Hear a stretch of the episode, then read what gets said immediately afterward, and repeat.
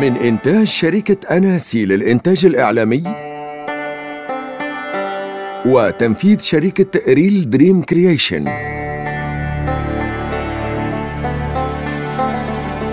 سلسلة مروة. مروة.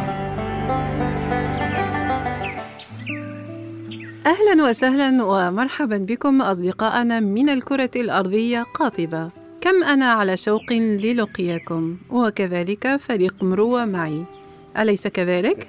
نعم نعم. أكيد طبعا. نحن في شوق كبير لملاقاة المستمعات والمستمعين. طبعا أليس أجل كذلك محمد؟ طبعاً، طبعاً. سندس لقاء جديد معكم أيها الأصدقاء الرائعون. كم هي جميلة رسائلكم؟ كم هو رائع مقدار الحب والاهتمام الذي تبدونه لمروة؟ وكيف سنقابله هنا في هذا الاستوديو؟ أكيد سنرسل لكم من هذا المنبر طوقا من الياسمين يسر ناظركم ويعبق أرواحكم سحرا ودلالا. أعزائي يقول ابن المقفع في كتابه الأدب الصغير والأدب الكبير عود نفسك الصبر على من خالفك من ذوي النصيحة والتجرع لمرارة قولهم وعدلهم. ولا تسهلن سبيل ذلك إلا لأهل العقل والسن والمروءة. وهنا أحبائي يدعونا ابن المقفع لسماع النصيحة والتقييم والنقد من ذوي المروءة. لماذا برأيكم أيها الأصدقاء؟ أنور. آه، أنا أرى أن أصحاب المروءة آه، آه، لن ينقدوك باطلا أو إجحافا. هذا رأيي أنا على الأقل. ربما سيكون وقع النقد أخف لأنهم ثقات وأثبتوا شهامتهم وعدلهم وإنصافهم. فصديق ذو مروءة لن يذمك لمجرد الذم. هذا صحيح. قال ابن المقفع ذو عقل وسن ومروءة. وهل يمكن أن نغضب من شخصية كهذه؟ وما دمنا في لقاء مع أهل المروءة نطلب منهم بكل ود وحب أن يراسلونا ويذكرونا إن نسينا ويقومونا إن أخطأنا. فبهم وبآرائهم وتقييماتهم نتقدم دائما. اشتركوا الآن في قناتنا على أبل بودكاست تعلمون أصدقائي أن هذه المساحة المسموعة قد أنتجت مساهمة منا في إثراء الإنتاجات السمعية على الإنترنت بمحتوى سمعي عربي والذي أرجو طبعا من كل قلبي أن يكون مسليا وممتعا ومفيدا. من خلال مروة قدمنا العديد من القصص العربية الخالدة من موروثنا ومأثورنا العربي ومنها جابر عثرات الكرام الملك والغريبة ومروءة طلحة والعديد من الحلقات. بصراحة محمد أي شخصية لعبتها وتقمصتها هي الأقرب إلى شخصك أنت وروحك. وجدت شخصية جابر عثرات الكرام شبيهة بي في حياتي اليومية فأنا أنفق ما في الجيب ليأتيني ما في الغيب. قريبا قريبا إن شاء الله. وماذا عنك سندس؟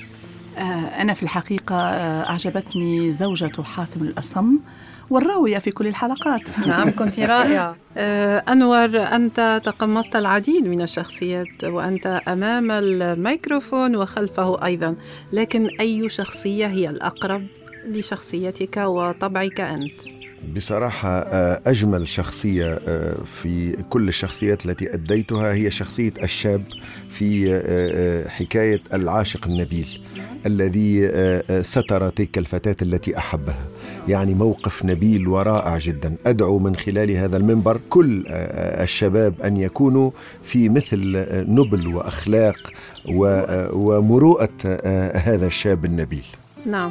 لهذا السبب فقط أم تريد أن يعود بك الزمن إلى مرحلة الشباب طبعا وريعانك؟ ليت ليت الشباب يعود يوما. طبعا طبعا. ما زلت شابا قلبا وقالبا يا أنور. شكرا. وكل أصدقائنا أيضا الرائعين. آه، واليوم أكيد آه، ماذا آه، هناك في الجراب؟ ما الذي أعددتم لنا وللسادة المستمعين أنور؟ اليوم ذكرى على خلاف العادة. سنقدم قصتين قصيرتين جميلتين. آه، عن المروءة طبعا. نعم. آه، أدعو السادة المستمعين والمستمعات إلى الانتباه جيدا إلى هاتين القصتين. محيي الموءودة محيي الموءودة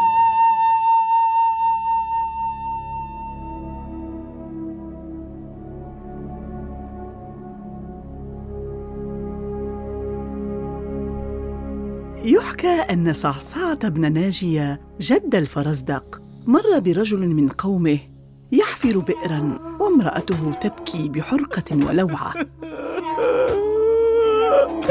على ما تبكين أيتها المرأة؟ يريد أن يئد ابنتي هذه ويدفنها في التراب وهي حية ولما تفعل ذلك أيها الشيخ؟ لفقري وحاجتي وخصاصتي. تعال تعال. استمع إلي.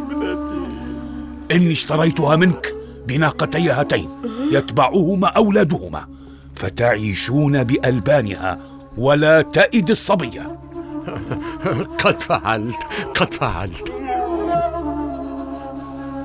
فأعطاه الناقتين وجملا كان معه وقال في نفسه إن هذه لمكرمة ما سبقني لها أحد من العرب. فجعل على نفسه ألا يسمع بموؤودة إلا فداها. فجاء الإسلام وقد فدى ثلاثمائة موؤودة وقيل أربعمائة. وقال فيه الفرزدق مفتخرا بمروءته. وجدي الذي منه الوائدات وأحيا الوئيد فلم تؤدي. محيي الموؤودة. محيي الموؤودة. أعزائي المستمعين ليس هناك انفصال بين الأمثال الشعبية والواقع الذي نعيشه. فالأمثال الشعبية هي نتاج خبرات الناس المتوارثة منذ القدم وتلك المقولة ارتبطت بقصة غريبة حدثت منذ أكثر من مئات السنين. وقد كان عمل الخير وصنع المعروف بطلها وشاركه طبعا الوفاء كرد للجميل. خليكم معنا في مروة. والآن فلنستمع إلى هذه القصة الجديدة. بعد الضيق الفرج. بعد الضيق الفرج.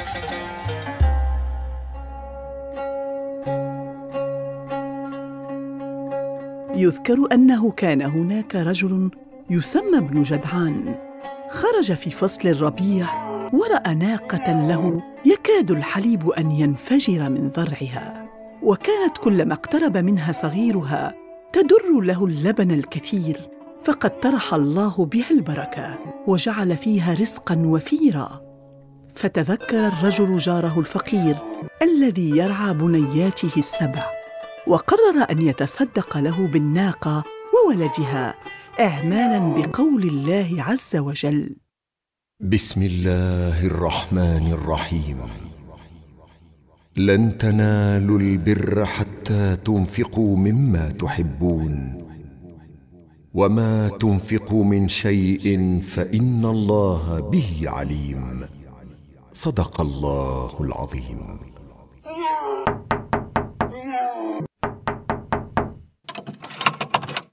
مرحبا مرحبا بك. هذه الناقة هدية لك ولبناتك وأولادك. خذها بارك الله لك فيها. شكرا شكرا يا أخي شكرا.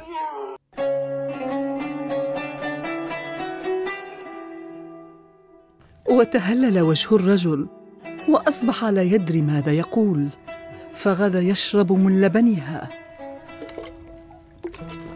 ويحتطب على ظهرها وينتظر وليدها حتى يكبر ليبيعه وجاءه منها خير عظيم. ولما انتهى الربيع وأتى الصيف بجفافه وقحطه تشققت الأرض وبدأ البدو يرتحلون بحثا عن الماء والكلأ حتى وصلوا للدحول والدحول هي حفر في الأرض توصل إلى آبار مائية لها فتحات فوق الأرض. دخل ابن جدعان الدحل وغاب فيه ولم يخرج حيث تاه عن باب الخروج ولم يعرف له منفذا. وكان له أبناء ثلاثة ينتظرون بالخارج. ظلوا يومين وثلاثة حتى يئسوا. وقال أحد الأبناء الثلاثة والله إنه لم يعد لأبينا أثر. لعل ثعبانا لدغه ومات. نعم نعم ربما.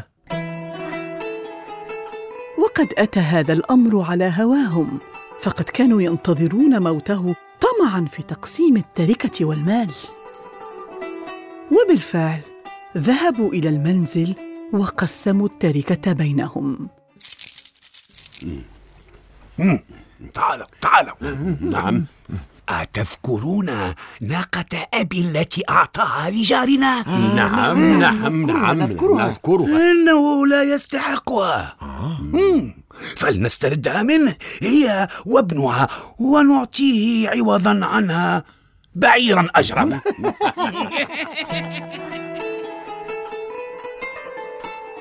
وذهبوا إلى الرجل الفقير وقرعوا عليه الباب وطالبوه بالناقة. ماذا تقولون؟ ولكن ولكن أباكم أهداها لي. أتعشى وأتغدى من لبنها. هات الناقة هات هات الناقة. أعد لنا الناقة خير لك. وإلا سنسحبها الآن عنوة وإليك هذا الجمل بدلا منها. لا حول ولا قوة إلا بالله. لا حول ولا قوة إلا بالله. ماذا أقول؟ ماذا عساي أن أقول؟ أشكوكم إلى أبيكم. أشكو أشكو. أشكو. أشكو إليه. فإنه قد مات. ماذا؟ لا حول ولا قوة إلا بالله. وكيف مات؟ ولما ولم لم يدرى بموته. دخل دحلا في الصحراء ولم يخرج. ماذا تقول؟ لا حول ولا قوة إلا بالله. اسمعوا اذهبوا بي إلى هذا الدحل ثم خذوا الناقة وافعلوا ما شئتم ولا أريد منكم شيئا.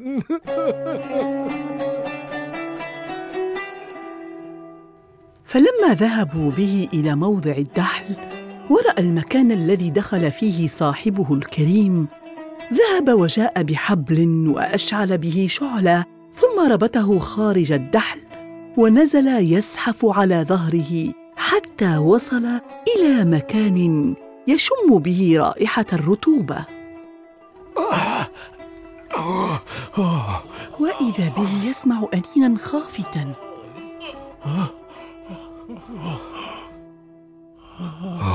ما هذا؟ فزحف ناحيته متلمسا الأرض ووقعت يده على طين ثم على الرجل. من هناك؟ من هناك؟ فوضع يده ليتحسسه. فإذا به قد بقي حيا بعد أسبوع من الضياع. فقام وجره ثم أخرجه معه. وأعطاه التمر وسقاه. خذ يا أخي خذ هذا التمر خذ. شكرا شكرا شكرا. هنيئا هنيئا تفضل اشرب.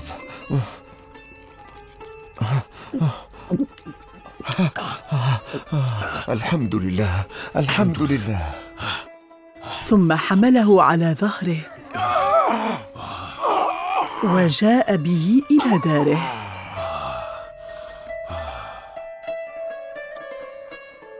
ودبت الحياة في الرجل من جديد وأولاده لا يعلمون عنه شيئا.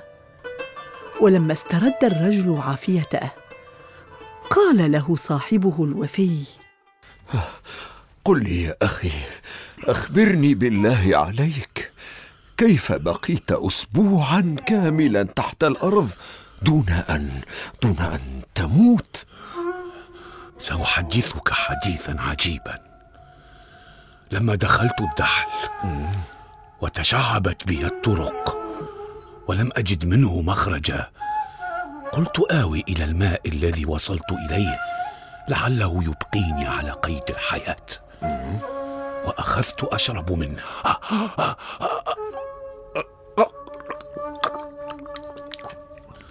ولكن الجوع لا يرحم فالماء وحده لم يكن كافيا. ثم ماذا بعد ذلك؟ وبعد ثلاثة أيام حينما بلغ الجوع مني كل مبلغ وبينما كنت نائما على ظهري أحسست بلبن دافئ يتدفق على لساني. سبحان الله. فاعتدلت في جلستي فإذا بإناء في الظلام يقترب من فمي. يا الله. فأرتوي منه ثم يذهب ذلك الإناء. وكان يأتيني في الظلام دون أن أراه ثلاث مرات في اليوم. سبحان الله. ولكن لا أدري منذ يومين انقطع. ولا أدري لهذا سببا. آه. لو علمت سبب انقطاعه لتعجبت. كيف ذلك؟ اسمع لقد ظن أولادك أنك مت. نعم نعم وجاءوا إلي فسحبوا الناقة مني التي كان يسقيك الله منها. آه خسئوا خسئوا.